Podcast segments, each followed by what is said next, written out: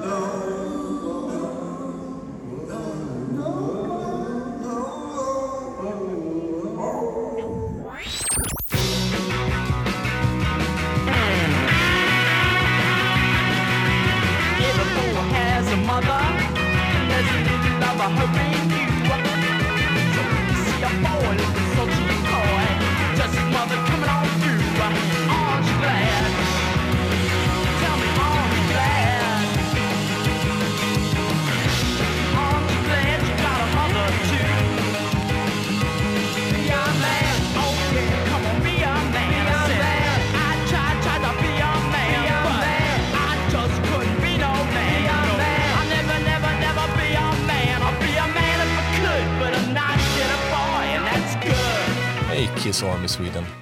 Vill ni hjälpa en gammal crazy cat rocker så, vill, så får ni nu chansen. Eh, Keith West i bandet The Brats som delade scen med Kiss 73 ett antal gånger.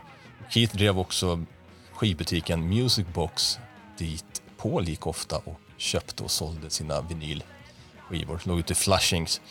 Keith har haft ett tufft år eh, och vi kan se om vi inte kan hjälpa honom lite grann. Men det kommer inte vara utan att man blir belönad.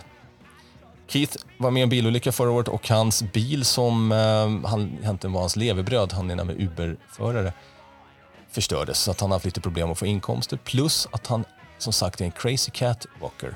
Han har 15 katter och matar katter på 20 platser i New York. Så han är en riktig djurvän. Senaste veckan så vart en av hans katter sjuk och den eh, kostnaden att åka till veterinären ett antal gånger var enorm för honom. Tyvärr gick katten bort, den hade något hjärtfel. Eh, så han var tvungen att avliva den i lördags. Och eh, såklart väldigt ledsen man. Och han skrev om det här på Facebook. Jag tänkte att vi kan se om vi kan hjälpa honom lite grann. Vi i Kiss Army Sweden. Så eh, jag pratade med Andy Duback som har skivbolaget Whiplash Records som har släppt massa Bratz-grejer genom åren. Och mot att man skänker 100 kronor så får man en nedladdning av Keith Wests soloplatta. Skänker man 150 kronor så kommer man få soloplattan plus en Bratz live från 76. Så är ni intresserade så kan ni antingen skicka pengar direkt till Keith via hans Paypal och det är keithwest321 at yahoo.com. Och Keith är K-E-I-T-H W-E-S-T 321 at yahoo.com. Har man inte Paypal eller tycker det där verkar krångligt så kan man lösa det genom att eh, kontakta mig. Så kanske vi löser det via Swish eller någonting. Och använder ni Paypal, skicka kvitto till mig så kommer jag skicka er en nedladdningslänk på de här två plattorna. The Brats från 76 och som sagt Keith West soloplatta om man lägger 150 spänn till honom. Det är väl ett bra deal? Absolut. Jag ser redan nu 150 spänn som är på väg. Kanon. Så hjälper vi en crazy cat rocker i New York. Tack så mycket.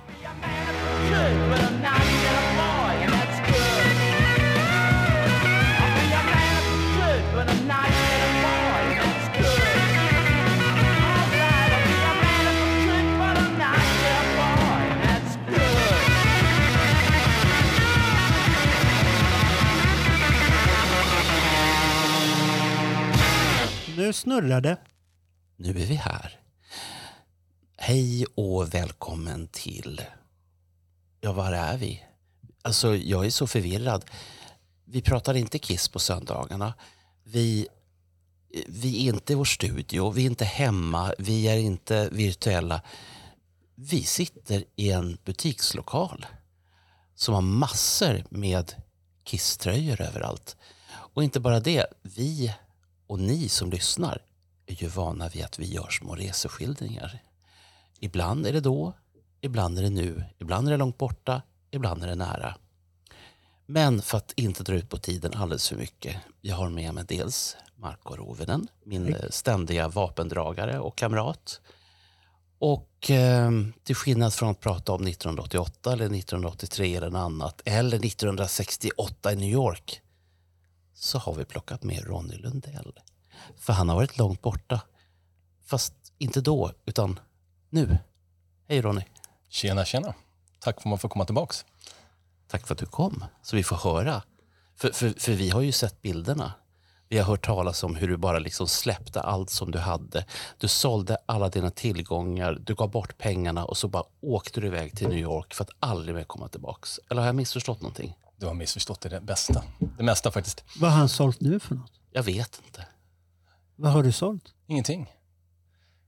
Hur han, men om man inte har... Jaha, du sitter och svamlar. Fan. Jag, jag tänkte, hängde inte med. Vad har han sålt för något? Tänkte jag. Min själ. Ja, Ja. din själ. Din själ, ja. Eh, vi hade ju Ja. en som hade sålt sin själ till djävulen och det var ju en, en annan välkänd författare eh, förr. ja fast, nu, fast, nu För, är, för, för de sistens skulle jag säga. fast nu är det en B-författare. Inte den vi har här. Han har ju bara gjort en bok. Ja, men vilken bok sen. Ja, jo, jo, det, Kiss det, det, i Sverige. Jo, jo. Och sen massvis med bra artiklar. Han är ju chef. Är det, är det chefredaktör eller vad är du för någonting? Säkert något sånt. Du vet inte. Chef eller huvudredaktör. Jag är den enda redaktören, så att jag, är, jag är väl redaktören. Ja, just det. Niklas är ansvarig utgivare och Ja. du, du är redaktör. Det är är du som är, redaktör. bestämmer. Med stort R. Ja. Mm. Så du får bestämma vad som ska finnas i tidningen Destroyer Alive eller tidningen Destroyer, Destroyer. Destroyer, Destroyer Alive är någonting annat. Jag ser till att vi får in eh, artiklar och att de är tillräckligt bra för att eh, publiceras i tidningen. Aha. Jag är Men, men, lite- men, men den här gången hade du så bråttom att du hinner inte skriva av det. Du vill bara berätta. Jo, det kommer komma en artikel i näst, nästa nummer av Destroyer. Ja, men det, är flera, det är flera dagar dit. Det är nog ett tre, fyra månader, fem kanske till och med, innan den kommer. Och den kommer ju då ha lite bilder och lite sånt också. Men jag tänkte att, eh, vem vill vänta så länge? Nej, för du bubblar egentligen. Jag bubblar. Jag, Men, det, men Ronny, det här är ju radio. Du måste vara visuell om du ska prata radio. Jag kan försöka måla upp saker. Du ska ha sett när han kom in här i, i butiken. För, för idag är det premiär för butiken som studio. Så det är but- studiebutik, eller vad ska vi kalla det för? Butiksstudio eller? Ja, det måste vara en butiksstudie. Och vi är omringade utav, Kiss-t-shirtar. Nej det är elaka böcker om krig och elände och allt möjligt. De, de brukar oftast handla om en person som förnamn, förnamn börjar på A och efternamn på H. Är det Hilt, Hilter du pratar om? Ja, Hilter. Ja. ja. ja. Men nu ska vi återgå till Ronny här. Så välkommen till vår nya studie igen här nu då. Tack, tack. Ja. Hur känns det? Jo, det känns bra. Eh, kul att komma tillbaks. Eh, det, är lite, här blir lite grann som en del två på den eh, podd jag gjorde med er för fyra månader sedan. Ungefär. Som handlade om... Black Diamond. Jag kommer ihåg det som att det var igår. Vet du hur mycket griller du har satt i huvudet på våra lyssnare? Fast det här är inte, var inte del två på den. Ah, Det här var del två på Popcorn och Coventry-avsnittet. Ja, men, men du är medveten om hur mycket griller du har satt i huvudet jag har inte hört någon kommentar alls till mig. Eh, Den enda som har kommenterat i avsnittet är Emil, tror jag, som kom med lite roliga inlägg. Sådär. Men annars har det varit helt tyst. Vi har hört desto För mer. att kommunicera det till mig. Ja, du, du, får, du får höra efteråt sen. Men en annan, eh, det tar vi över en öl efter det här.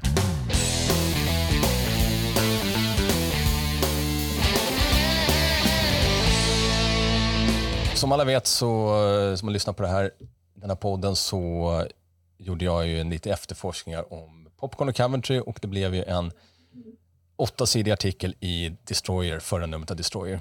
Eh, och för det så gjorde jag ett hästarbete. Jag intervjuade ju fullt med folk där borta i USA, både över telefon och på mail och på, eh, chattade med dem. Och eh, så publicerade vi den där artikeln och eh, eh, strax efter, jag tror att det var bara några veckor efter den kom i tryck, eh, så var det ju så att det, var, det han avslutade artikeln med att berätta att de håller på att jobba, eh, Charlie Sub som då är son till eh, Paul Sub som drev The Coventry. Han eh, och Rick Brotman som är hans, eh, de, jobbar, de har ett band tillsammans. Eh, de höll på med en musikal om sin familj, eh, Sabb-familjen och Coventry. Och då, första gången jag hade hört talas om det där så lät det ungefär som att vi, ja, vi håller på med en musikal. Ja, det tänkte jag, det kommer ju ta, det handlar väl om två år när de är klara med den tänkte jag. Eh, men bara några veckor efter jag var här förra gången så får jag ett meddelande så här. Eh, musikalen har premiär den eh, 27 april och den kör till den eh, 14 eh, maj. Kom över. Okej, Okej, du får, får biljetter hur många du vill och kom över bara och det vore kul om du kom. Och då var jag så här, först bara, va? Är ni klara redan? Liksom. Men efter ett tag så klarnade det det är en, skulle bli en off-off Broadway musikal och skulle köras då i drygt tre veckor. Den var lite förlängd sen, gick det ända till den 20 maj. Eh, men de bjöd över mig och jag, det här var ju en sak, jag kunde inte tacka nej. Det här var ju så häftigt. Får jag bara fråga, varför gjorde de en musikal? Eh, Vad, vad hade de fått idén till det? Jag tror att det handlar lite grann om att Paul Sab och familjens story har ju i stort sett varit eh, liksom glömd och den har inte berättats.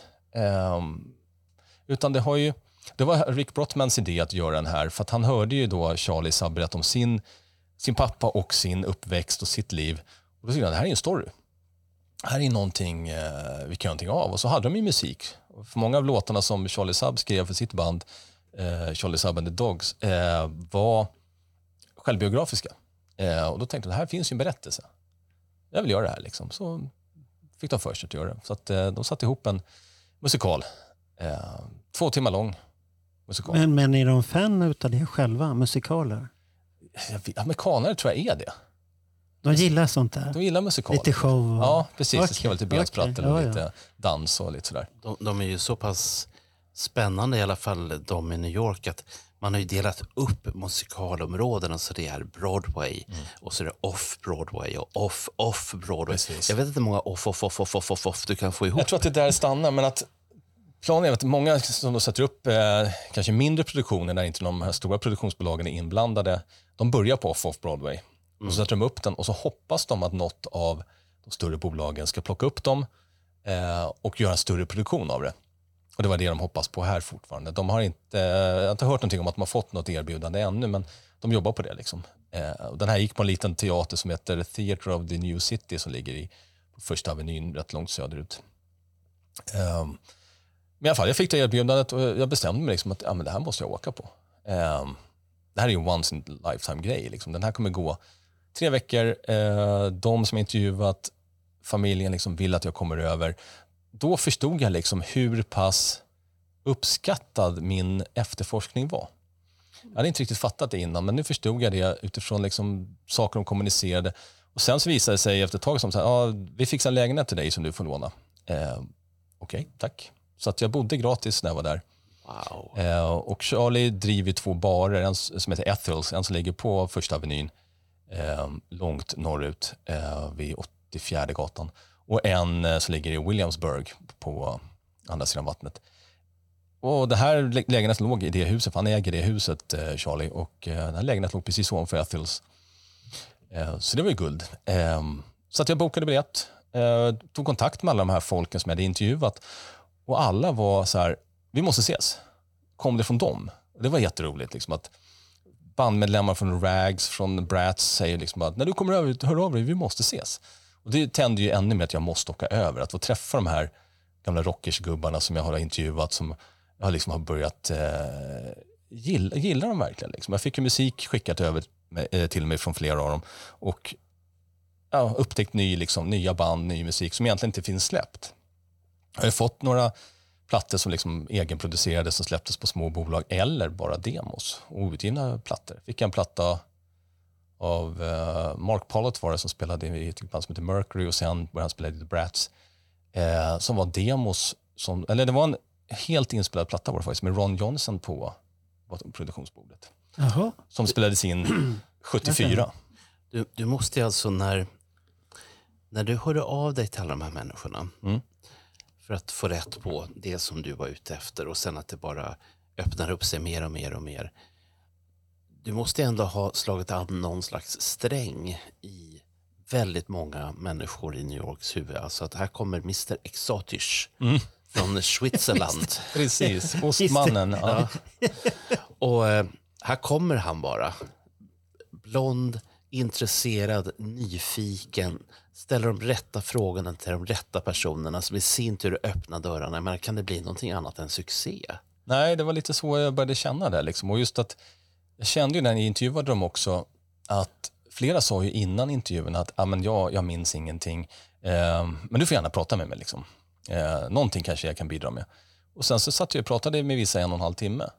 Där jag liksom, frågor jag ställde eller jag berättade att det här sa en annan kille. Liksom, och så bara, ja just det, och så öppnades deras minnen upp och så snackade de på en kvart om det. Liksom. Det var ju jättemycket. Men, men det är ju rätt så vanligt hos folk att man säger att man inte kommer ihåg någonting och sen börjar man pilla på så kommer de ihåg det ena och det andra. Men många För gånger var det ju Så saker har det ju varit med våran Kiss i Sverige. Mm. De har grävt lite och Ber- Bernt var väl den som grävde djupast Ja. och hittade väldigt mycket stories Ja, det var ju det, jämfört att med andra. de, eh, och jag märkte också den här glädjen som fanns i att berätta. Många, många uttryckte det som att det här var den bästa tiden i mitt liv. De var ju oftast mellan 20 och 25, de levde rock'n'roll-livet, det var party, även om New York var... Det fanns inte mycket annat att vara glad för i New York tror jag. Det var i nedgången, det höll på att gå i konkurs. Eh, det var livsfarligt att ens gå utanför dörren ungefär. Eh, Murder City USA, eh, som polisen kallar det för och varnar folk åk hem istället, kom inte hit. Ehm, och kommer du hit så håll dig inne. ungefär. Eh, så då var ju de här grejerna att vara ett band, få lira, träffa liknande människor, det var ju högtiden i deras liv. Liksom. Den, det märktes att de mindes den, det var sån glädje hos alla. Eh, och då var alla så positiva liksom, att ja, men när du kommer över, hör av dig. Liksom. Eh, så ses vi. Så vi kommer återkomma till det, men det var ett antal möten när jag var där. Men det var inget i stil med det, det klassiska annars, det här amerikanska, det är ju det här sociala. Let's get together and have lunch. Eh, och Men nu kommer de ju inte undan. Nej, och det var ju det. Och det roliga var att det kommer från dem ofta. Och sen, jag var ju lite orolig att det skulle vara det här amerikanska, liksom, allting är så positivt och glatt och sen så är det bara yta. Mm. Eh, men det var inte det sen. Det, det var det, och det vart jag så glad över. Jag, hade ju, jag försökte skruva ner mina förväntningar. Liksom. Vi, vi hade bokat att vi skulle ses, vissa personer och sådär. Jag tänkte att no, hälften säkert kommer falla bort. Men det, det var en, ett möte som inte blev av. Och det var, eh, jag förstår varför. Och det, det, det var liksom inte den personen som inte ville, utan det var annat som föll, föll eh, liksom fel där den dagen. Eh, mycket regn var det som föll den dagen, det var det det.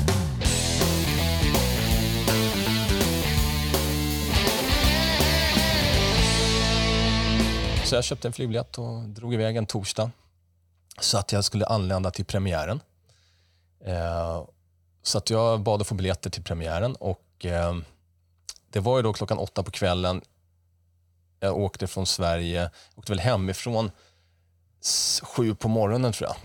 Eh, det är sex på morgonen åkte jag hemifrån. Så när jag landade, när jag klev in på teatern då hade jag varit vaken i 20 timmar.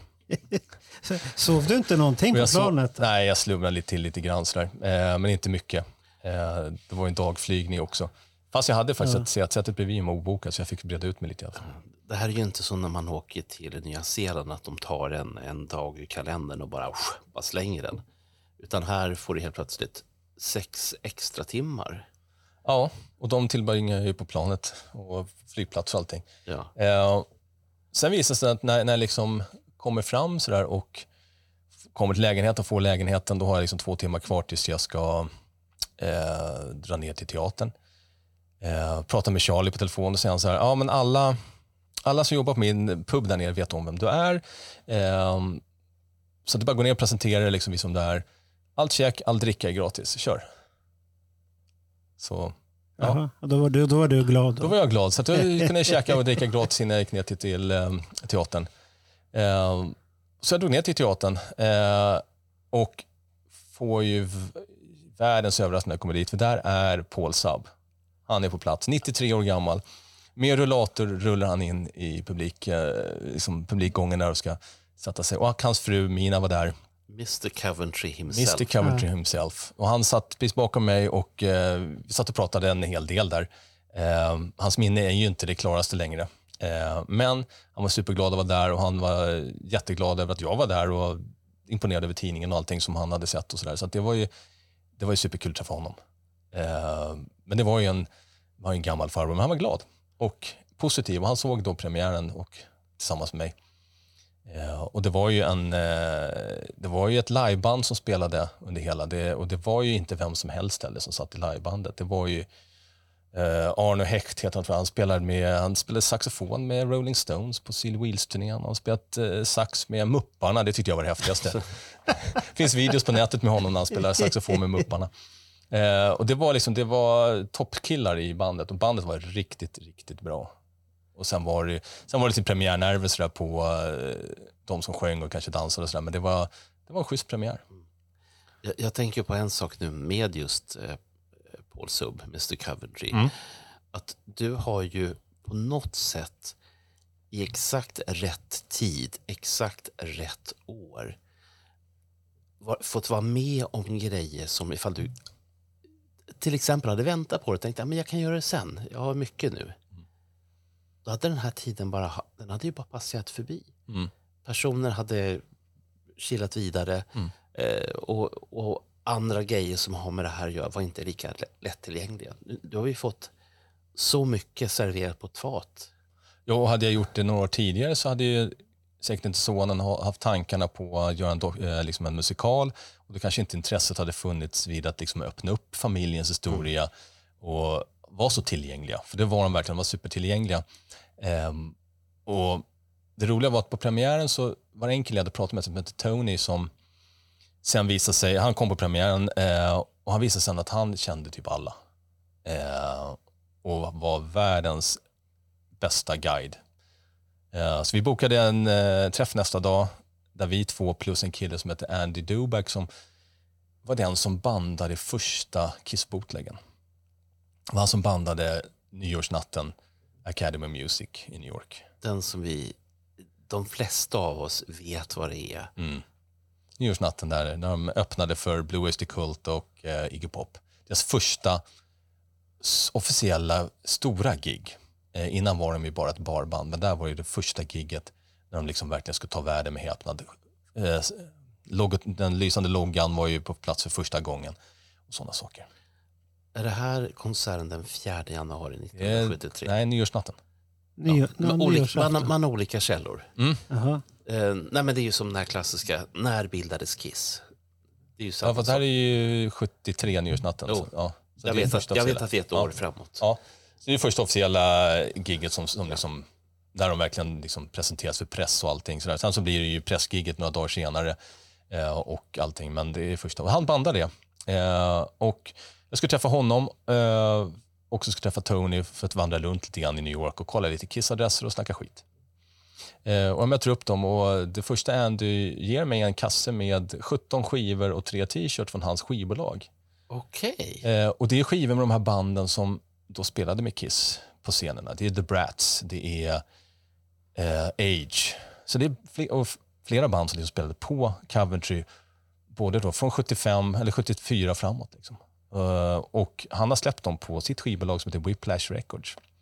Är, det ny, En. är det nya utgåvor då? Nej. Alltså, ja, det är CD-utgåvor. Han, från början, Ah, CD, det okej. första han släppte på sitt skivbolag, det är ett jättelitet skivbolag. De, de, Han säger att vi säljer ingenting längre, liksom, men, men de finns där att beställa på nätet och så eh, om man vill. Men det, det är sällan. Vem, vem bryr sig om Bratz idag? Förutom du, liksom, ungefär. eh, Men, men, men, men, så som jag kan se det, menar, då, då har du ju fått massor med grunder till eh, ytterligare research, ytterligare kaffe, du har en absolut. liten bok. Och så kommer skivorna liksom för att jog your memory. Alltså det, det är ju så mycket grejer som... Eh, menar, För det första han släppte ett skivbolag var en singel med The Brats 74. Eh, och den fick jag på CD nu. Den, eh, den släpptes på vinyl från början såklart. Och så hade han med sig eh, tejpen som han bandade nyårsnatten. Jag bad honom göra det. Har du kvar tejpen? Or, originaltejp? Originaltejpen. Har du kvar den? Jag kanske har den. Jag ska kika, sa han. Och sen så när han kom där, bara, jag har den. Tog du kort på det? Vi eh, gick till den adressen, till. Academy Music, där det låg. Eh, det var ju sen Palladium och idag är det ju University of New Yorks eh, Dorm istället. Så att det är liksom ungdoms, eller vet du, studentbostäder och sådär. Då. Men inte den, den är väl rätt så ombyggd? Va? Ja, det är ombyggt. En Aha, del av fasaden är kvar, eh, men det mesta är ombyggt. Ja. Men i alla fall, vi gick dit och så tog vi en bild. Såklart, eller flera bilder, där han, där han och jag står och håller tejpen utanför. Eh, för det var lite magiskt tycker jag. Den här tejpen är ju ändå den äldsta live-dokumentation som finns om Kiss som inte var de själva som spelade in. Eh, Så det var ju första äldsta bootleg. För, förstår han hur spridd den är? Ja, ja, ja, det visste han. Liksom, så här. Han, Pra- Pratade ni om ungefär hur många som kan ha lyssnat på det där? Nej, han sa själv, för jag sa att eh, den kallas för Masked Marauders när man liksom ser den på uh, bootleg-tryckningar och sådana saker. Och han bara, va, gör den så? Varför det? Ja, men det är för att lyssnar man på den så hör man vid ett tillfälle i, i, så hör man någon kommentera och säga liksom, they look like Masked Marauders. så det var du eller din kompis som säger det, tror han. Ja, det måste vara min polare.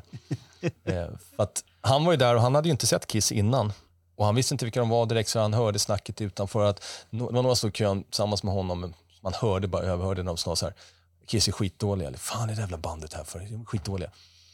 Eh, så att han tänkte så här, Ah, det är ingenting att banda. För han hade mer sig den för banda Iggy Pop tänkte han. Och så där. Men så när Kiss drog igång, skylten lyser, You want the best, eller det var det inte då då, I put your two, lives together var det ju. Men i alla fall, det introt så var han så här, vad i helvete är det här? Så tryckte han igång bandspelaren. Då saknas ju den första liksom, ackorden på Deuce och introduktionen. För att han vart liksom, wow, det här är coolt, det här måste jag banda in. Så det gjorde han.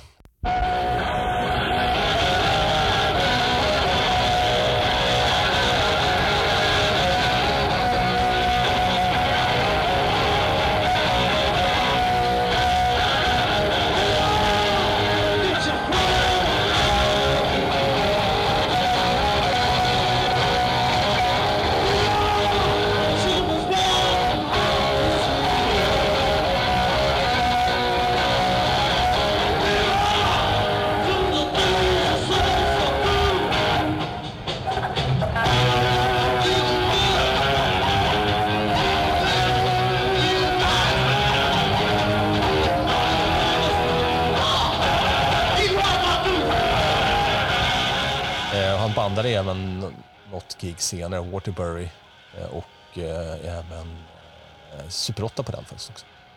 För han och en kompis var så att de bandade mycket. Och mycket av det han bandade, eller inte många, flera konserter han bandade släppte han också på sitt skivbolag.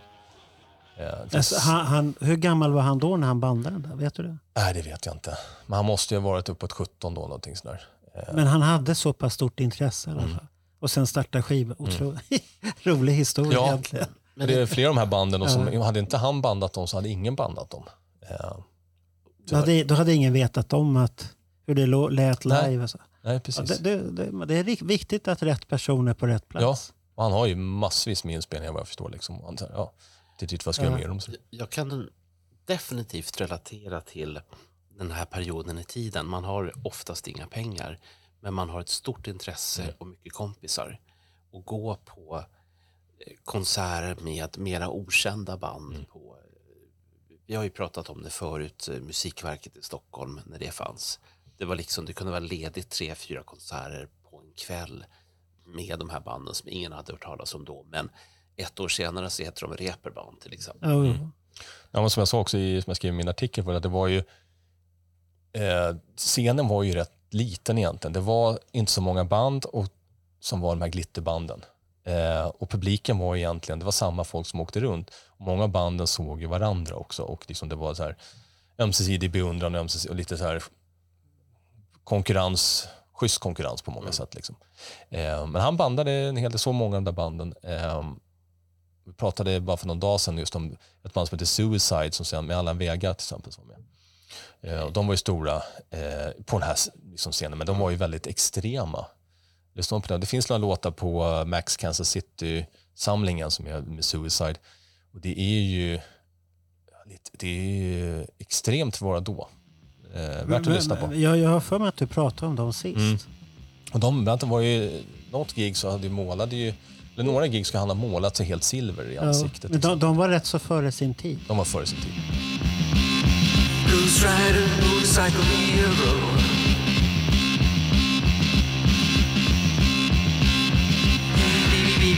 He's a looking so cute.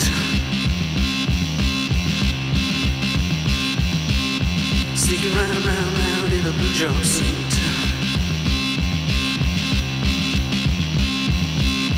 Ghost Rider, motorcycle hero.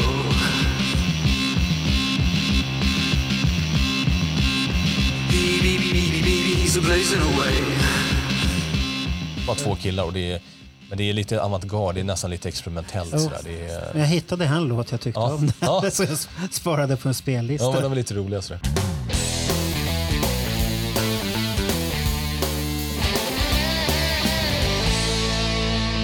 Vi gick ut på Academy Music, sagt, och Palladium-adressen. Eh, vi gick till loftet såklart. Ja, det såg jag. Fy fan Eh. vad avundsjuk jag var då. Ja, och jag är lite avundsjuk på mig själv också. att jag har varit där. För det var, grejen var att vi, vi gick dit och Tony då, som jag var med, eh, han känner ju sagt alla. Så han sa, ah, jag kände den förra vaktmästaren, men det, det är hans son som är där nu, så jag vet inte fan om vi kan komma in. Alltså. Men vi, vi gör ett försök. Så gick vi dit och så gick vi in. Och så kom vi inte mer än liksom in i gången där innan trappan, när vi ser sonen som då, han är ju vaktmästare och lite allt i allo verkar som, som, som ställer sig upp, han håller på att mecka med någonting Ja. och har en Kiss t-shirt på sig med Gene Simmons på sig. Eh, Och sådär, så bara, ja, tjena, vi så här, fattar du, varför, du vet varför vi är här? Hon bara, för att ni får inte komma in här. Eh, tyckte han så här, det jag vet vad det är, liksom, ah, så har den t-shirten på sig tyckte vi. Ja. Men då säger Tony bara så här, ja men får vi inte komma in ens för 20 dollar? Jo, säger han då. Jaha, så han var så lättmutad. Han var lättmutad. Och så, Jaha. så Tony slängde åt honom en 20 och då släppte han in oss. Men så sa han så här, men den, den lokalen ni är ute efter, där är det ingen. Liksom. Den, den, den är stängd. Liksom. Det, Ja. är ingen där nu. Det, det är någon ny hyresgäst som ska in.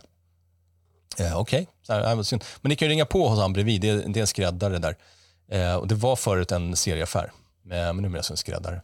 Men vi ringde på där och han släppte in oss och det var en supertrevlig kille. Karl heter han som har en eh, skrädderi där. Och han gör grejer för eh, filmer och för eh, eh Broadway-shower. Så att det är bo- plus att han gör vanliga kläder också. Eh, men det visade sig att han och Tony hade gjort, eh, Tony hade gjort kläder till Zoolander 1 och den här killen hade gjort Zoolander 2-kläderna. Så de satt- började ju snacka järnet och vi hade skitkul där ett tag. Eh, så tackade vi för det och så sa han sa samma sak. till mig, Det, där, det är aldrig någon där liksom. Men det, tyvärr kan ni inte komma in där. Men vi hinner, han hinner inte med att stänga dörren när vi hör att det är någon inne i det där eh, loftet. Det skrapar där inne. Liksom. Så Tony, han, eh, ja, fram till dörren och knackar. Det öppnar någon och Tony bara, hej, vi är Kiss-fans, får vi komma in? Han bara, ja. ja, okej. Välkomna, sa han. Och det var, liksom, det var nästan tomt i lokalen. Det var något skrivbord, så att, för de höll på att renovera. De skulle öppna en PR-byrå där.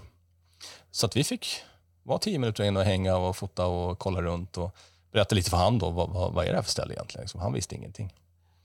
Alltså, han hade ingen aning vad det Han, var. visste, han hade hört någonting om ja, Kiss, jag har hört någonting Ja, om Kiss. har varit att. Kiss har varit i Ja, Kiss, huset, ja. men inte mer. Ja, var det verkligen här inne? Ja, här Ja. inne. Liksom. Så hänga där. Egentligen så är det ju Magiskt ställe. ja, in- inte bara magiskt, det är märkligt att det här då inte är någon form av eh, minnesmärkning eller någonting sånt. Eftersom åtminstone vi, alla vi Kiss-fans, oavsett om vi är i Sverige eller USA, Vi- eller Vilka ska minnesmärka det då, tänker du? någon, känner du någon? Men, men vad jag förstått har det varit så tidigare eh, att det, var Alex som berättade att i eh, kontraktet på den förra hyresgästen som var, var en advokat så stod det i hans kontrakt att han fick inte göra någonting om Kiss med lokalen. Han fick liksom inte promota det på något sätt och försöka tjäna pengar. Så. För det är ju den som, det är någon som äger huset och det är, tydligen, det är tydligen samma kille som äger huset nu som har ägt det sen ja, åtminstone 60-talet. Eh, Och man får inte göra någonting kring det. Nu vet jag inte om det stod så i det här kontraktet, eh, om de har gjort om det nu. För att, men ändå, jag håller med dig, det borde vara någon typ av plakett eller någonting. Men de kanske inte vill ha folk Nej, som oss som springer där. Liksom. Nej. Skulle- Men, men, men vad, du var där inne. Vad, vad gjorde du där inne då? Gick du runt och tittade och Jag kände? inandades luften och bara så här föreställde mig om hur det såg ut och vad som hände där och hur det lät när de drog igång Juice där på när de audition för Ace till exempel. Det, var- det var ett magiskt ställe. Det, det, den bilden gjorde att jag bara kände, när jag såg den, fan. Mm. För du frågade mig om jag ville följa med. Och den bilden var bara så när jag såg den, fan. Det var bara så det kändes. Så tänkte jag, ja men det är bra för honom. Han har häftigt där. Det var det jag undrade mig. Så jag är inte avundsjuk. Men, men jag det. fick höra då av eh, Tony också att tidigare så, Kiss hade, det visste jag, Ja. att Kiss hade varit på eh, ett annat plan först, eller som Wicked Lester som Ja. hade flyttat ner dit. Eh, så det var ju ändå den lokalen där de gjorde auditions med Peter två gånger och sen bestämde sig typ för honom och sen så gjorde de två auditions med Ace och plockade in honom. Så det är liksom där Kiss bildades. Hur många svenskar har varit där inne? Är det, är det bara två som jag känner till? Tre känner du till i alla fall. Tre? Sverige känner du till också. Jaha, det är tre stycken som Ja, har jag varit där. vet som har varit där inne. Jag har aldrig hört någon andra säga att där utanför kan man ju vara i trappen och Precis. känna på Mecka-muren där. Ja, nu satt ju en eh, gallergrind Eh, direkt efter den här där Kiss stod och blev fotade, de här första Ah, var, promotionbilderna. var det en När gallergrej? jag kom upp för den, när jag kom till det planet där Ja. loftet är, då är det en, det är galler hela vägen nu så att du, du måste ha, det, det är en telefon, porttelefon där som du får ringa till någon av butikerna. Ah, där. Så in. Senseria-fan, jag tror att det är Senseria-fan försvann, som då inte, det är ingen som har Nej. kunder på det sättet som går in och ut hela tiden. Så har de Har, har gubben där nere försvunnit, han som vaktar? Ja men det är hans son som jobbar nu. Hans son som tog Ja, över det ja. istället. 20 dollars sonen. Ja, 20-årssonen. Han var så, men den gubben var ju också lika lätt mutad. Det var ju bara att ge honom någonting. Och, Ja, men du fick inte komma in i lokalen. jo, men han, nej, det hade- det jag ingen aning att man kunde komma in. Men han släppte förbi oss där. Och, och, sen, och sen skojade jag den, när vi var med så skojade så här, det kommer komma jättemånga många Kiss-fans här. Åh jävlar, då måste jag vara hård. Och så skrev jag på, han är hård nu gubben. Och då vågade ingen gå in där tack vare det. Ja, det är bra. Men det, men det, det är roliga ja. även eh, Do- The New York Dolls har också haft eh, replokal i huset. I Tydligen- samma Ja, hus? tydligen högst upp också. Där Kiss, Aha. eh, eller där Wicked Lester var innan.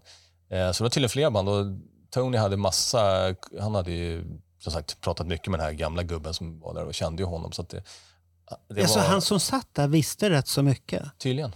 Men han, han verkade ju så konstig och sa ju ingenting. Det Bara- kanske var nu, men säg, säg om du kände honom på 80-talet.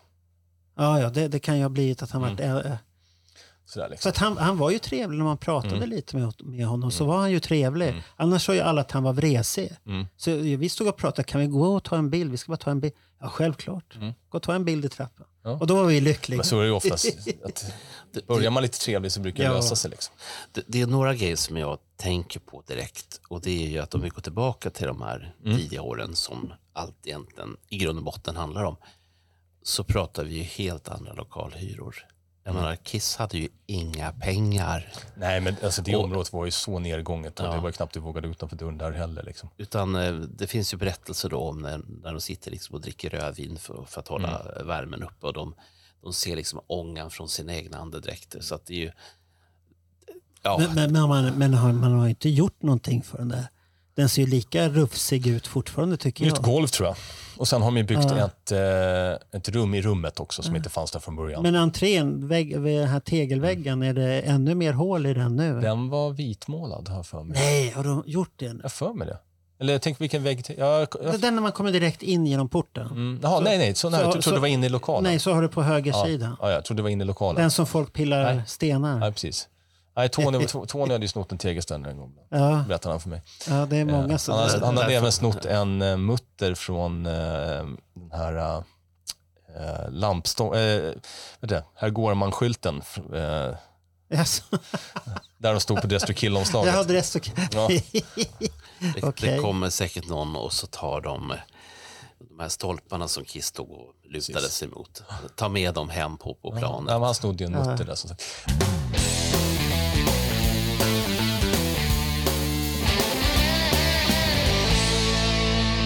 Ja, han pekar ut ett ställe där Kiss tydligen inför Love Gun-turnén hade repat. Innan de kom så långt så att de satte på sig dräkter och gjorde dress rehearsals och sånt.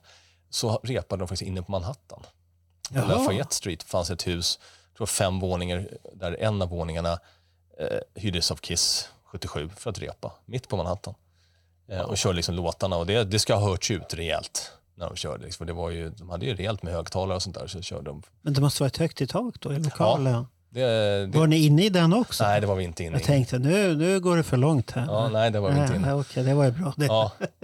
Eh, men däremot var vi nere på eh, Canal Street där Wicked Lester hade sitt, eh, sin lokal innan de flyttade upp då till eh, 10 10 East. Teater, teaterstället. Nej, inte, inte Letang och inte Church Street, utan eh, det var en trappa upp på Canal Street, alltså i Chinatown. Ja. Eh, så fanns det ett ställe. Jag vet inte, sen vart ju det kontor och sådär. Det gick inte att komma in för oss nu tyvärr.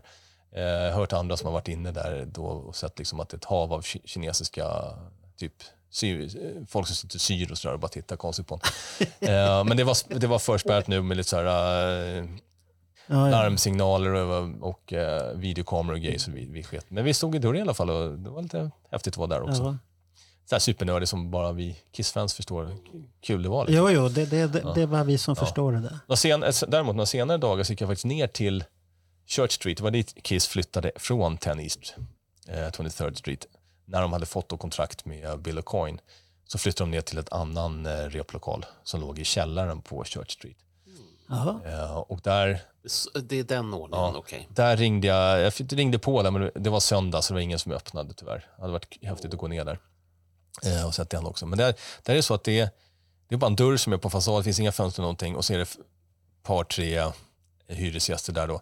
Och den lokalen som Kiss var i är under trottoaren och då är det såna här äh, genomskinliga tegelstenar liksom som man som släpper in ljuset. Jaha, okej. Så de kunde man se, liksom, man ser inte in någonting tyvärr. Glastegel. Ja, precis. Men där, eh, så där, dit flyttade de ju sen. När det kom till kvällen så satt vi och tog en öl på ett ställe och så säger han, Fan, här borta bor ju min kompis Mark. Mark jobbade för Kiss Army 79 till 81. Han skickade ut grejer. eh, Fan, ska vi ringa honom och kolla om han vill komma ner och snacka lite? Och det vill han. Så då kom han ner. Så Wow. stod vi ett par timmar på en eh, pub och snackade om eh, Kiss Army. USA då, på sent 70-tal, tidigt 80-tal. Just det fanns ingenting. Han tyckte att det var jättejobbigt att jobba där. För att folk betalade in och var medlemmar, men det fanns inget att skicka ut. Jag vet inte när det sista numret av den amerikanska fanclub-tidningen kom, men det är väl tidigt 80 kanske. Eh, Jag kommer ihåg... Eh, måste jag tänka. Det borde vi ha läst igenom Per Ja. Strids och Alan Belishas Ja, bok, men- men det har vi inte gjort. Eh, nu ska vi se, någon gång under 80, någonstans mellan tidig vår och tidig höst, Mm. så skickade det här gänget till mig en kartong med medlemstidningar. Mm. Och på den tiden så var man ju naiv som heter duga. Så jag fick åka och hämta de här på ett fraktbolag. Jag fick betala tull, moms, frakt, tull på frakten, tull på... Alltså, Den kostar hur jävla mycket som helst den här lådan. Och så, och så tar jag hem den och där ligger det en hundra medlemstidningar utav den senaste som var då. Mm, mm. Men liksom att man inte fattar, man fattade ju inte det här med, med tull och sånt där. För det var ju var ingen som importerade Nej. grejer på den, på den tiden.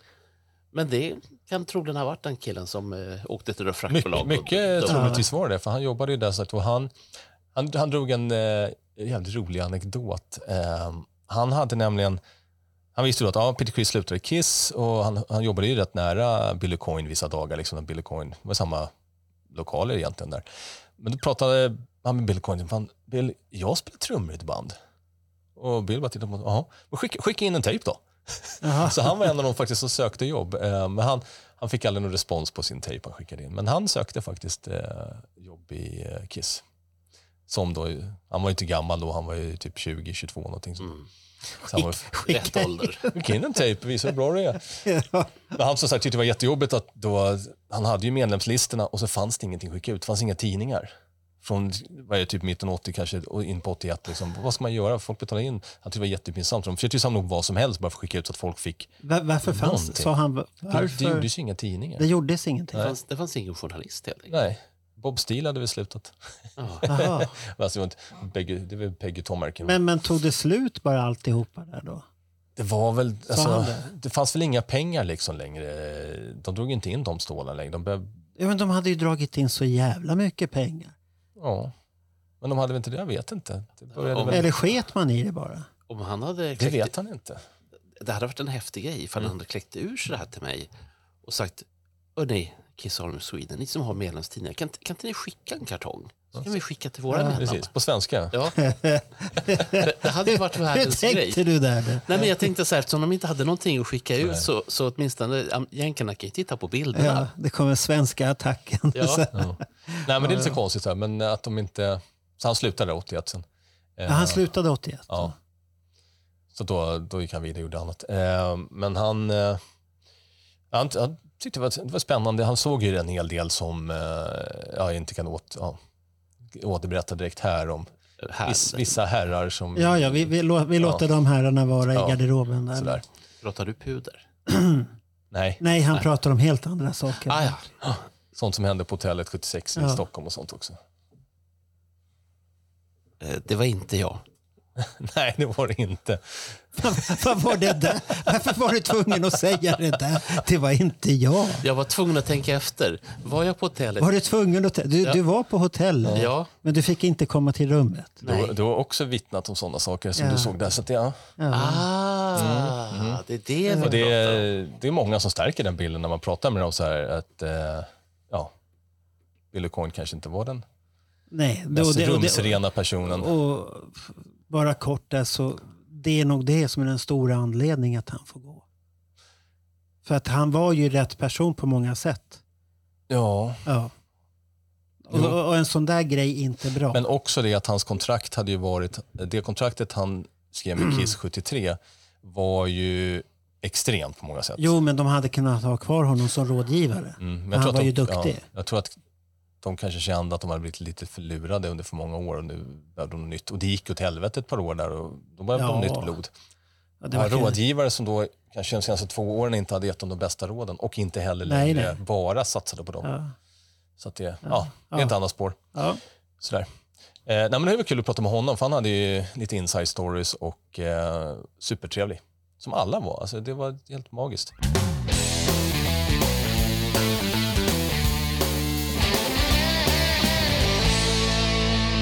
Nästa dag så åkte jag ut och kollade på adressen ute i eh, Queens då, där Coventry låg en gång i tiden.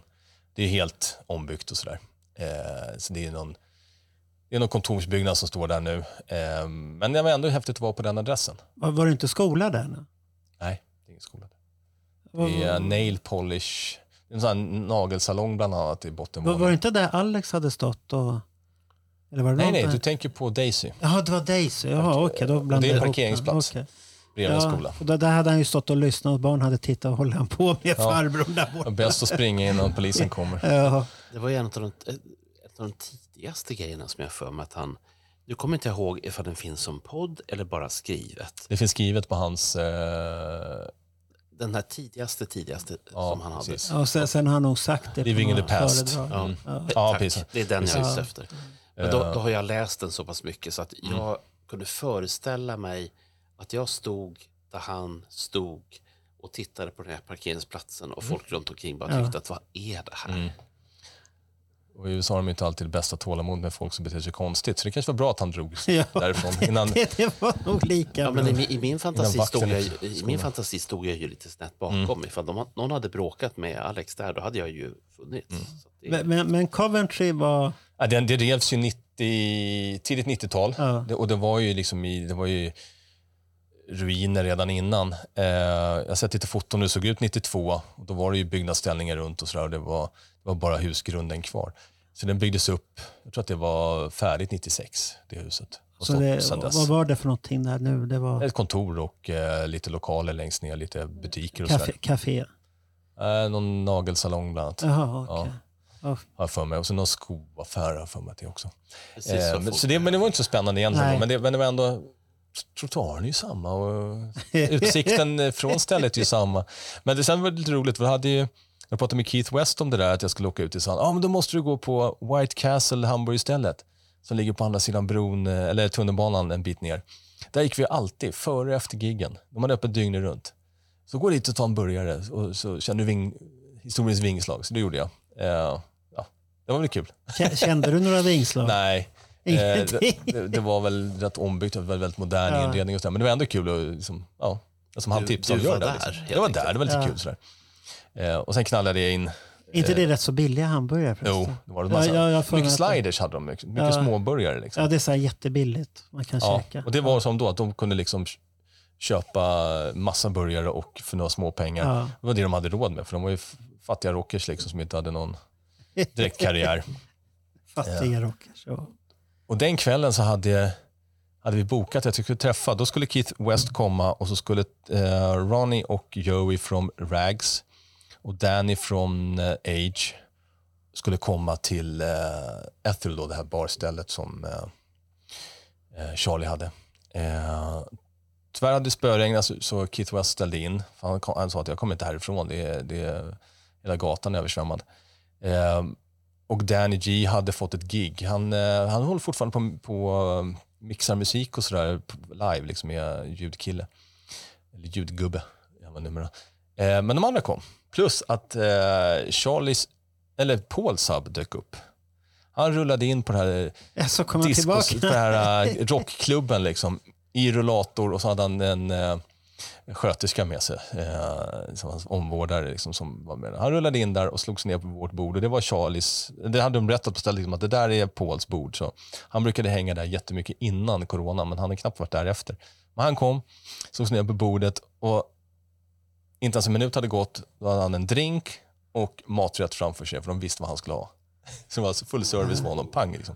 Och så kom de här rockgubbarna och var skitglada och snackade och snackade och snackade i flera timmar om New York-scenen 73-74, om minnen de hade upplevt, om eh, livet nu. Ja, de var, det var bara härligt att bara sitta och lyssna på dem. Jag, Du, jag, du behövde inte ställa så mycket frågor. Nej, det jag. det, det bara gick på. Och de tyckte det var jättetrevligt att träffa Paul Ja. Saab igen. De har inte träffat honom sedan eh, 70-talet.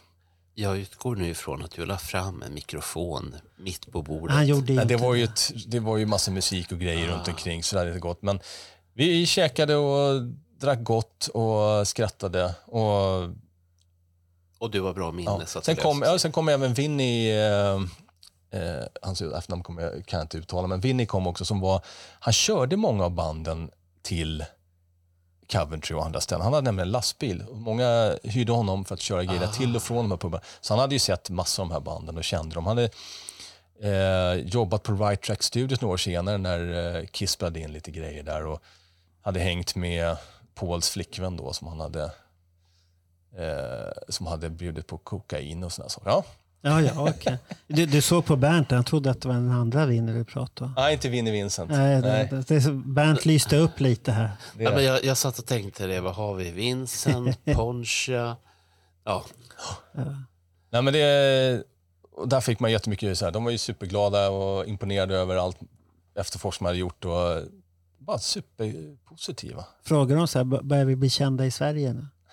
nej, nej. Däremot fick jag plattor av eh, Mark Pollott, han har ett band som heter Urban Blue som finns på eh, streamingtjänsterna. Det är, det är lite bluesrockigt, eh, rätt snällt, men också ja, vissa låtar är riktigt jävla bra. Fick du med dig alla plattor hem till slut? Jajamensan, jag har jag sitter och tänker på svenska tullen. Man har ju sett de här tullprogrammen. Ja, Men de- det, det är ju presenter, det är ju en helt... Ja, och, alltså, Ja, det roliga var att skivbunten, för att eh, de jag fick från Andy, de fick jag utan aska. Jag fick bara inlays och eh, skivorna. Ja. Så la jag ihop alla skivorna i- så här med vänner om varannan så, där, så att de skulle inte åka runt en massa och sen så eh, packa ner dem.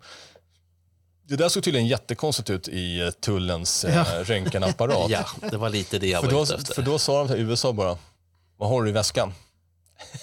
först, hade jag fått, först hade de gått igenom hela min ryggsäck, eh, som jag, jag vet inte det var de hittade i den. De kunde inte hitta någonting där, men de, det var, det var en mysko tyckte de. Och sen var det då min, min andra väska. Så bara, vad har du i väskan? Eh, Ja, jag har en bunt CD-skivor som kanske... Ah, och då, när, hon först, när jag berättade vad det var, då kunde hon förstå om hon såg på bilden. Och då var det bara, okej, du kan gå. Det, det såg farligare ut än Ja, vad det det var. såg jättekonstigt ut tyckte de, så att de släppte vidare med det. Eh, Men det är, jag, jag håller, försöker hinna lyssna igenom de här plattorna, men det är, det är så mycket. Och jag vill inte bara springa igenom plattorna och lyssna igenom alla så här inte göra. 17 i rad, utan det är så här en i taget och lyssna ett par gånger. Och liksom. Och det är, vissa grejer är riktigt bra, vissa är väldigt daterade. Eh, Men det är jättekul att lyssna på. Alltså bäst före-datumet gick eh, sista december 73. Ja. Sen, sen glömde jag en sak som var så jävla rolig. Eh, jag hade sagt till eh, dina Regine som var Jeans flickvän 72, 73 under en period. Jag hade sagt till henne så att ja, men jag kommer över, så här, det vore kul att ses. Hon bara, ja, det vore kul. Men kommer du på teatern? frågade jag henne så här, på premiären. Hon bara, nej, jag, jag ska vara DJ då. Liksom. Okej, okay, vad synd. Så när jag kommer tillbaka efter gigget till Ethel så har jag fått en bunt grejer som jag ska ge till dem i baren. Så jag går in i baren, räcker över dem till bartendern sådär. Och så tittar jag bort mot DJ-båset. Då ser jag en laptop. På laptopen så, är det någon som, så står det klistermärken som står Dina Regine. Det är hon. Så det är där hon är DJ. Så jag glider fram till henne och bara säger, tjena det är jag som är Ronny. Så, här. och hon blev superglad och bara, jag ska bjuda på en drink. Och så, beställa, eh, så tog vi och snackade. Hon var supertrevlig. Hon fotade ju Kiss på, eh, det finns ett gäng foton som hon tog på eh, Hotel Diplomat den kvällen och träffade Billy Coin. Eh, Hur- gammal var hon? Ja, hon måste ju ha varit då 17 då. Typ, hon var 17, Men 18. hon spelade musik och DJade Hon, nu. DJ, hon, hon har ett band nu också och kör lite gig och sådär saker. Så att,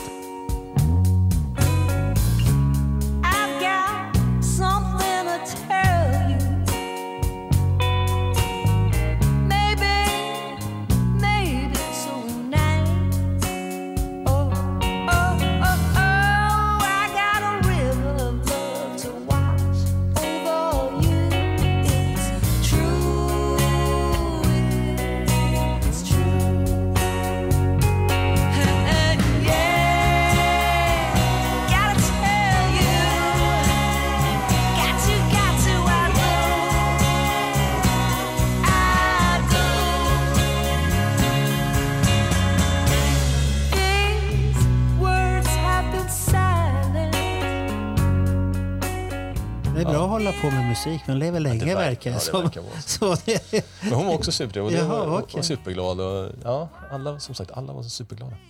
Sen... Eh, det var väl de Kiss-grejerna egentligen som jag gjorde där borta.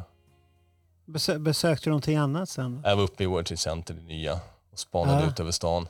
Försök, försökte du... Ja, du var där. men Du var inte på... Jag var på museet också, 9-11-museet Ja, under men var du inte på den här vanliga skyskrapan som finns där? Empire Kiss? State Building. Ja, exakt. Kiss Nej.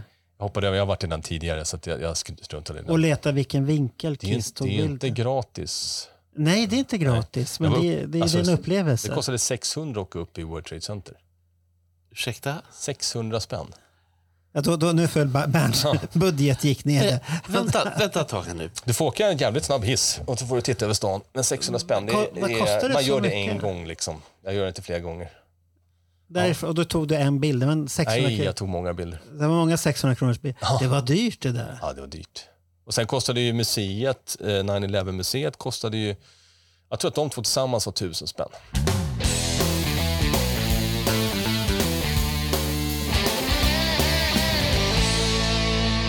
På söndagen så var det matiné för eh, föreställningen och då såg jag den för andra gången. Och det var tur för att jag var ju übertrött första kvällen så att nu fick jag se en peak-tillstånd. Och då så var det, klockan tre började den istället och efter den vid femtiden så var det en eh, qa panel Ja, det, var det där tv-framträdandet som du Nej, skulle... det, var- nej, det var inget tv. Eller det, var, det, var en frågestund bara? det var en frågestund Ja. och eh, då bad de så här, delar av publiken stanna kvar, det var eventuellt några journalister också. Eh, och då var, vart jag inbjuden att sitta med i den här frågepanelen. Eh, Och då under tiden de gjorde det så projicerade de upp våran Ja, senaste den- nummer, den- Kiss ja, i megaformat. Och det, det hade de under hela den Q&A vilket var så här, vart jag centralfigur nu eller vad hände här? Eh, men det var lite kul. Eh, det vart inte så mycket frågor, så man fick presentera sin version av varför var man där, hur såg man på det här? Och så fick jag någon fråga. Sådär. Eh, men det var häftigt. Vad fick du för fråga? Det var inget speciellt, det var någonting om Kiss, det var inget så jätte... Varför är du Kiss? Ja, men precis. Och hur är det att vara Kiss-fan i Schweizerland? Ja, precis.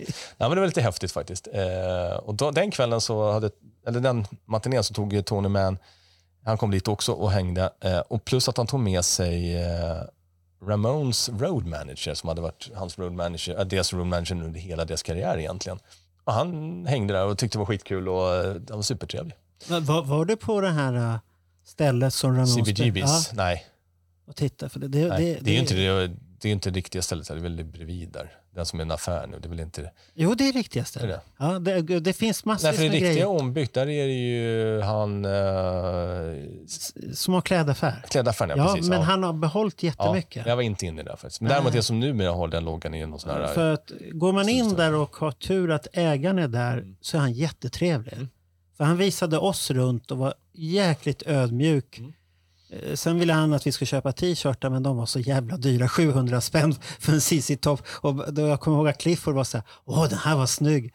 Och så tittade han på 70 dollar, nej det, det blir nog ingen t-shirt. Nej, det är plus skatt sen också. ja det, det var svindyrt. Men otroligt otroligt trevligt. Otroligt trevligt. Ja, ja vi gick bara förbi utanför så här. Eh, För, för det enda jag tänkte på när jag var där mycket, det var det här att det var ju inte stort. Nej. Och tittar du på videos som är inspelade Mm. från det, så nu när jag varit där så vet jag, där är den väggen. Han som filmar, han är ju nästan mot den andra väggen. Mm. Det, är- det är inte stora grejer vi pratar om. Så du kan tänka när, när det drog igång också, då var ju det en, en stadsdel som var, Ja. det var livsfarligt att åka dit. När den började liksom Ja, det kan jag tänka det var, Folk åkte dit, såg det där och drog därifrån. fort, fort som fan. Ja. Sen efter det så började det blomma ut liksom Ja. lite och då, då är det ju en helt annan typ av ställe eller miljö. Men ja, Häftigt. Men vad- Så hade han något att berätta den här killen då? vilken kille. Ramones? Ja, han snackade, vi snackade inte så mycket så Nej. om, om sådana saker, men han pratade om showen vi hade sett och sådana saker. Han var supertrevlig. Och, ja, jag har ju skrivit en bok om eh, On the Road with Ramones, eller någonting sånt eh, som ska tydligen vara, jag har fått bra recensioner. Jaha. Lite sugen på att läsa den faktiskt. Boktips. Och även jag kan ge ett annat boktips som är ehm, New York Rock, heter den, som också handlar om New York-scenen ända från den här tidiga då med eh, Max Kansas City, Coventry och de ställena ända in på nästan nutid med de olika musikgenrerna som har liksom växt fram i New York. Eh, framförallt de kapitlen om det gamla 70-talet tyckte jag var fantastiskt bra. Den kan jag tipsa om. Eh, Steven Bush tror jag som skrivit den. New York Rock. Var det trevligt att få den här trä- träffen med originalägaren? Ja, båda gångerna var han var jättecharmig och glad. Roligt var att efter den här eh, kvällen när vi satt och käkade och drack på Ethels så när de andra rockgubbarna hade gått, då var, fortfarande, då var bara jag och Paul kvar. Då skulle Paul upp och dansa. Jaså? Ja, så då ställde sig upp och började dansa med några unga snärtor där på 25-30 års åldern. Stod och dansade en låt och sen kom hans sköterska och sa att det är dags att rulla hem med rullatorn till honom. Och då tog han sin rullator och knallade de två kvarteren hem till där han bor. Va, va, va, frågade han någonting om dig? Eller? Ja, han var så här, var lite, men det, var, det märks att han var gammal så det, Ja. minnet var inte det bästa. Men han var så här, eh, lite nyfiken och varför jag hade gjort det här. Och, ja. Visade du tidningen till han, hade, han hade fått den. Han hade fått det. Mm, Vad, sa, vad, vad sa han om den då? Han var jätteimponerad. Han var imponerad? Men han önskade att han kunde läsa en sån också. Ja, det, det förstår jag. Det, det är ju någonting man inte tänker sig att det kan leda. Nej, en precis. artikel och ett intresse kan leda en bort och så får du träffa Mm. de personer som har betytt väldigt mycket för dina hjältar. Mm. Det är, lite, det är en liten mäktig det är resa det. Det är som många har sagt också att det var, det var ju liksom det här enda stället du kunde spela om du inte tillhörde Andy Warhol-klanen. Ja, Eh, om du inte hade fått en succé, fått hits, så var det egentligen inga ställen att spela på om du inte spelade covermusik. Och det ville ju många band inte göra. Och då var det egentligen bara The Cover du kunde lira på. ja. Och det var det största stället också. Det fanns ju såklart småklubbar med så här, plats med 70 personer. Men här var ju enda stället där det faktiskt var hundratals var möjligt att få det in i publiken. Det var väldigt få band som drog det. Därför gick det inte ekonomiskt så bra. Men du kunde ju ändå få, få Ja. folk. Nu fick ju Kiss aldrig det. Eh, Då. Nej, då precis. Det var ju, det var ju framförallt New York Dolls som drog lite folk. Eh, och några band till som liksom fick, men som ansvarade Planets, eh, de var nöjda de drog Men, men, 50-60 men, det var, men det var ju inte många band som var stora utav då.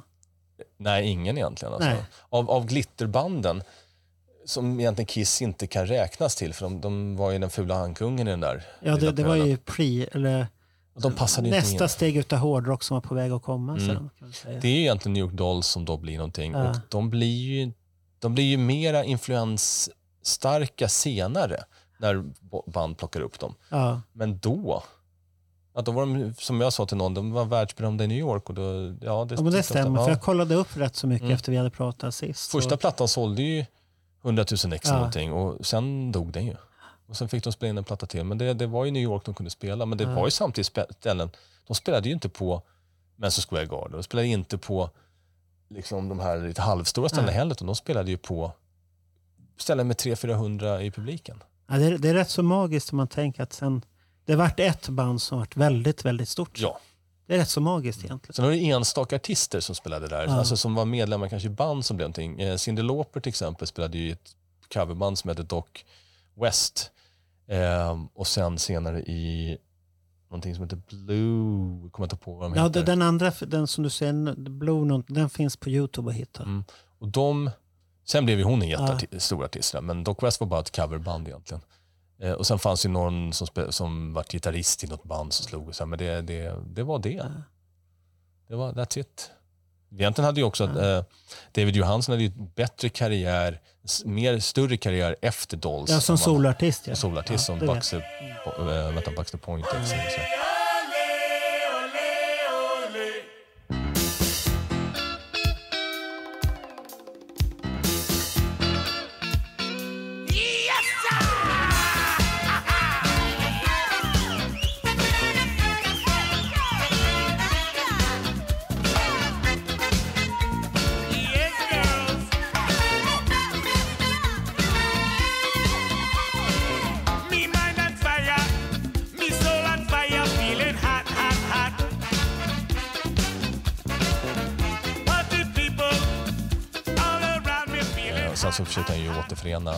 Dolls här gånger. Eh, men idag är det bara han som lever. Resten är coola vippat. Vinkar de av dig sen på flygplatsen allihopa? Du åkte? Nej, det Vi kommer de- sakna dig. Nej, det gjorde de inte. Nej, men det är att, att efter jag kommit hem så, så är det regelbunden kontakt med alla möjliga gubbar där borta som hör av sig på olika sätt. Ja, men Då, då, då gjorde du ett intryck. Ja, jag, jag, de gjorde intryck på mig. Och jag, en svensk gjorde ett intryck Ja. där. Man säger att svenskar inte gör intryck, men det stämmer inte. Vi skandinavier gör intryck på ja, folk precis. utomlands. Nej, men det, jag hoppas få lite fler inspelningar. Jag har bett dem att kolla efter lite om de har några liveinspelningar med The Rags och sådana saker. Det skulle vara häftigt att höra. Men, men det här lilla som vi gjort nu, Mm. det är bara ett förspel för det som ska komma till Destroyer sen. De med bilder Ja, där kommer lite- lite bilder och sånt Ja. också. Så det är väl, I stort sett blir väl de berättelserna jag gör nu. Så kanske Ja. jag kommer på någonting som jag glömt säga här. Men det blir lite mer bilder och Mm. lite utförligare vissa saker. och Precis. Ursäkta, lite mer bilder. Det här, här är det noll bilder. Ja, här är, här är noll bilder, ja, men vi har visuella bilder. Ja, ja, i, i, Ja. jag, jag, har ju Alla min, har sin egen Mentala fantasi. bilder. Mentala bilder. Ja. jag har ju mina här i mitt Ja, ja. och de, de är ju, eh, du kan få låna dem. Ja, du är hos Bill och Coins hotellrum där. Nej, för fan. Det är där du är. I Stockholm. Nej, helvete. Så ska vi, tacka, ska vi tacka Ronny för det? Ja. Jag tycker vi tackar Ronny för den här intervjun. är det, Eller samtalet vi hade. men, Ja. men är det slut? Ja, det här är slut. Men vi har precis börjat. Nej, vi har inte börjat. Vi är precis lagom slut. Ja, men, Ja, jag som hade sett fram emot en fyra timmars resa. ja det är som vanligt. Fy, vad- Nu, nu tackar vi Ronny. Tack, Ronny. Tack Ronny. Tack.